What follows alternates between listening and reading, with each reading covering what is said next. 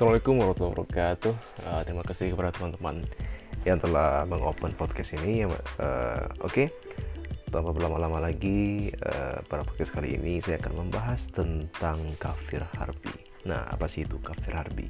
Nah, uh, sebelum kita masuk ke definisi dari kafir harbi, uh, kita harus mendef mendefinisikan dulu uh, maksud dari ka kata kafir itu sendiri. Nah, uh, di sini saya akan memakai sudut pandang uh, apa ya? Sudut pandang Islam. Yang mana kalau di dalam uh, Islam kafir itu artinya adalah orang yang berarga, beragama non-Islam. Jadi kalau orang-orang yang non-Islam yang agamanya non-Islam, berarti dia kita kategorikan sebagai kafir. Jadi uh, kafir itu ya hanya sekitar itu gitu, nggak ada definisi negatif dari kafir.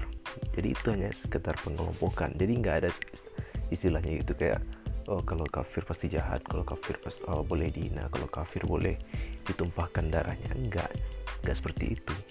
Definisi kafir definisi kafir itu sebenarnya netral netral aja gitu sebenarnya.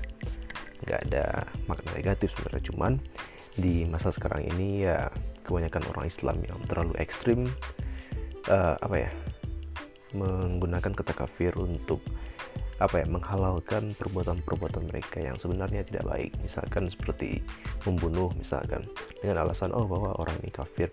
Uh, orang ini kafir misalkan. Maka dia boleh dibunuh. Padahal uh, kafir itu sendiri mereka sebenarnya mereka nggak paham gitu apa sih kafir itu sebenarnya gitu. Nah sebenarnya kafir itu kan sederhana aja kan. Hanya sekedar orang yang non Islam udah itu aja. Jadi orang kafir itu apakah jahat? Bisa. Apakah dia tidak jahat? Bisa juga gitu. Jadi definisinya itu netral gitu. Baik uh, uh, kali ini saya akan masuk ke definisi kafir harbi.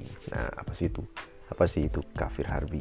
Nah kafir harbi adalah uh, orang-orang kafir yang diperbolehkan untuk ya diperbolehkan untuk apa ya bukan dibunuh juga tapi lebih ke arah boleh untuk dilawan. Misalkan orang kafir yang sering mengganggu uh, umat Islam.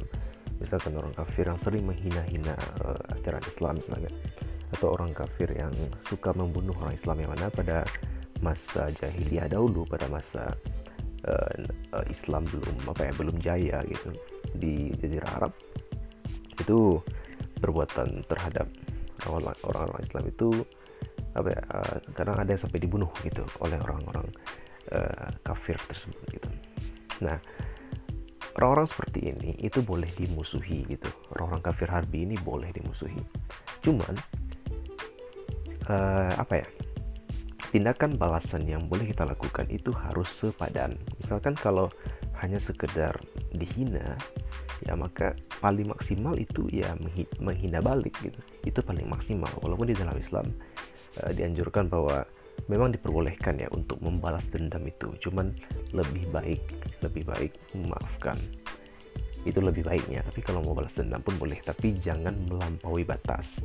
Kalau intinya kalau hanya sekedar dihina hina balik. Kalau hanya sekedar dipukul pakai satu jari maka ya pukul maksimal hanya boleh memukul satu jari. Tidak boleh memukul dengan uh, dengan tinju misalkan. Jadi itulah etika dalam membalas dendam etika adalah memusuhi orang. Kalau misalkan uh, bagaimana kalau misalkan orang kafir itu membunuh maka kita boleh membunuh dia. Itu diperbolehkan. Intinya harus sepadan. Jadi itulah ya ini pelajaran sedikit, sedikit tentang etika balas dendam gitu.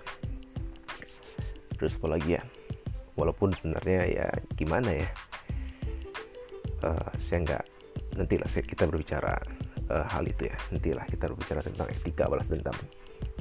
Baik uh, uh, kita review sedikit bahwa uh, kafir harbi adalah uh, pengelompokan orang kafir yang diperbolehkan untuk dimusuhi tetapi dengan catatan bahwa perbuatan yang harus kita balaskan kepada orang kafir uh, harbi tersebut harus sepadan. Tidak boleh lebih dari apa yang dia lakukan terhadap kita. Uh, oh ya gini. Saya mengutip dari uh, ya, Al-Quran ya. Saya lupa juga ini, ini surat apa ayat apa. Tapi bunyinya begini artinya ya. Um, artinya adalah perangilah orang-orang yang memerangi kamu jadi di dalam Islam pun kita diajar uh, orang Islam ya diajarkan bahwa uh, apa ya memerangi uh, pihak lain itu harus dilakukan dalam rangka pertahanan diri. Jadi kalau jadi uh, tunggu dulu mereka memerangi kita, maka baru kita boleh memerangi mereka. Jadi kita nggak boleh menyerang duluan sebenarnya, walaupun di dalam Islam, walaupun sebenarnya kita juga nggak boleh pasrah juga gitu. Jadi sebelum kita diperangi, gitu, sebelum orang Islam itu diperangi, maka kita harus waspada. Seperti kayak menyiapkan eh, peralatan-peralatan uh, yang diperlukan untuk seandainya nanti kalau ada musuh yang menyerang misalnya. Tapi orang Islam itu tidak boleh menyerang duluan. Itu itu tidak diperbolehkan. Kecuali misalkan uh, apa ya orang Islam itu diperbolehkan untuk menyerang duluan kalau misalkan ingin uh, membebaskan suatu bangsa dari penindasan misalkan dulu ya pernah di pernah dulu uh, bangsa Konstantinopel ya. Tidak salah yang mana sekarang itu uh, berada di Turki di, di, di Istanbul. Yang mana pada masa itu saya enggak uh, ini boleh diperdebatkan ya tetapi setidaknya uh, inti ceritanya kita dapat yang mana pada saat itu orang Islam itu menyerang duluan gitu.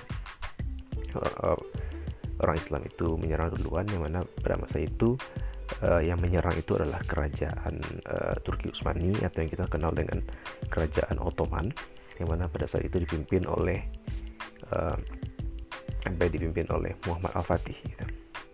Muhammad Al-Fatih dan dia menyerang duluan ke Konstantinopel dalam rangka melakukan pembebasan terhadap orang-orang di sana karena orang-orang di sana itu mendapatkan perlakuan yang tidak man, uh, tidak uh, manusiawi lah dari uh, pihak dari uh, kerajaan Bizantium.